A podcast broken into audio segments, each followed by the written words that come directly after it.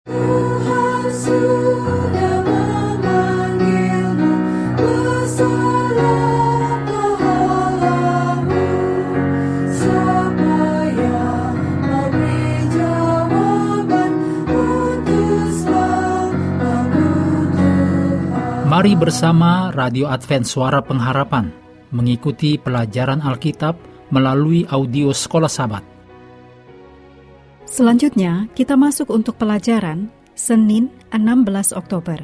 Judulnya, Menjadi Berkat Bagi Seluruh Dunia. Mari kita mulai dengan doa singkat yang didasarkan dari 2 Petrus 1 ayat 10. Karena itu, saudara-saudaraku, berusahalah sungguh-sungguh, supaya panggilan dan pilihanmu makin teguh. Amin.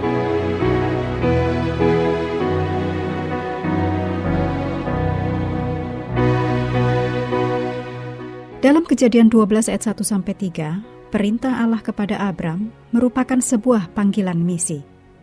Allah meminta Abram, yang kemudian namanya diganti menjadi Abraham, untuk meninggalkan negerinya dan bangsanya dan pergi ke tempat yang lain.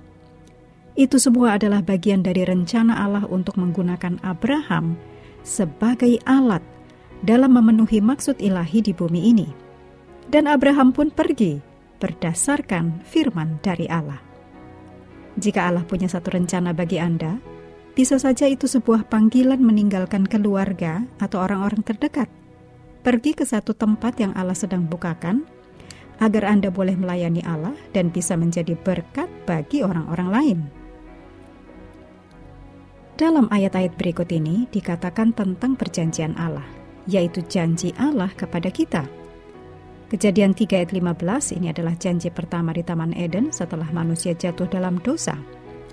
Kejadian 17 ayat 19 adalah janji Allah kepada Abraham bahwa Sarah yang akan melahirkan anak laki-laki. Kemudian bilangan 24 ayat 17, janji melalui nubuatan Bileam, bintang terbit dari Yakub, tongkat kerajaan timbul dari Israel. Yesaya 9 ayat 6, janji kelanjutan tahta kerajaan dari keturunan Daud Maksudnya adalah Yesus Kristus. Daniel 9 ayat 24 sampai 27 janji melalui nubuatan 70 minggu. Matius 1 ayat 21 penggenapan janji melalui kelahiran Yesus karena dialah yang akan menyelamatkan umatnya dari dosa mereka. Dari ayat-ayat tadi adalah jelas bahwa Allah akan memenuhi janji yang dibuat di Taman Eden bahwa ada seseorang yang akan datang sebagai satu jalan keluar dari masalah dosa. Jalan keluar ini yaitu Yesus Kristus Sang Mesias. Nantinya akan dilahirkan dari keturunan Abraham dan Ishak melalui Sarah.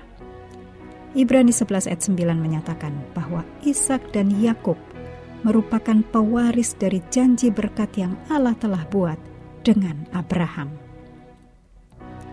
Kita tidak mengetahui secara pasti seberapa jauh Abraham sendiri mengetahui atau mengerti tentang bagaimana benih dalam tanda kutip yang dijanjikan akan dilahirkan melalui dia. Tetapi Abraham tetap bergerak maju dengan iman. Ibrani 11 ayat 8 menuliskan, Karena iman, Abraham taat ketika ia dipanggil untuk berangkat ke negeri yang akan diterimanya menjadi milik pusakanya Lalu ia berangkat dengan tidak mengetahui tempat yang ia tujui. Sungguh merupakan sebuah contoh bagi kita. Andaikan Anda dipanggil oleh Allah untuk pergi dengan tidak mengetahui ke mana Anda akan pergi, renungkan mengapa dan bagaimana Anda akan merespon.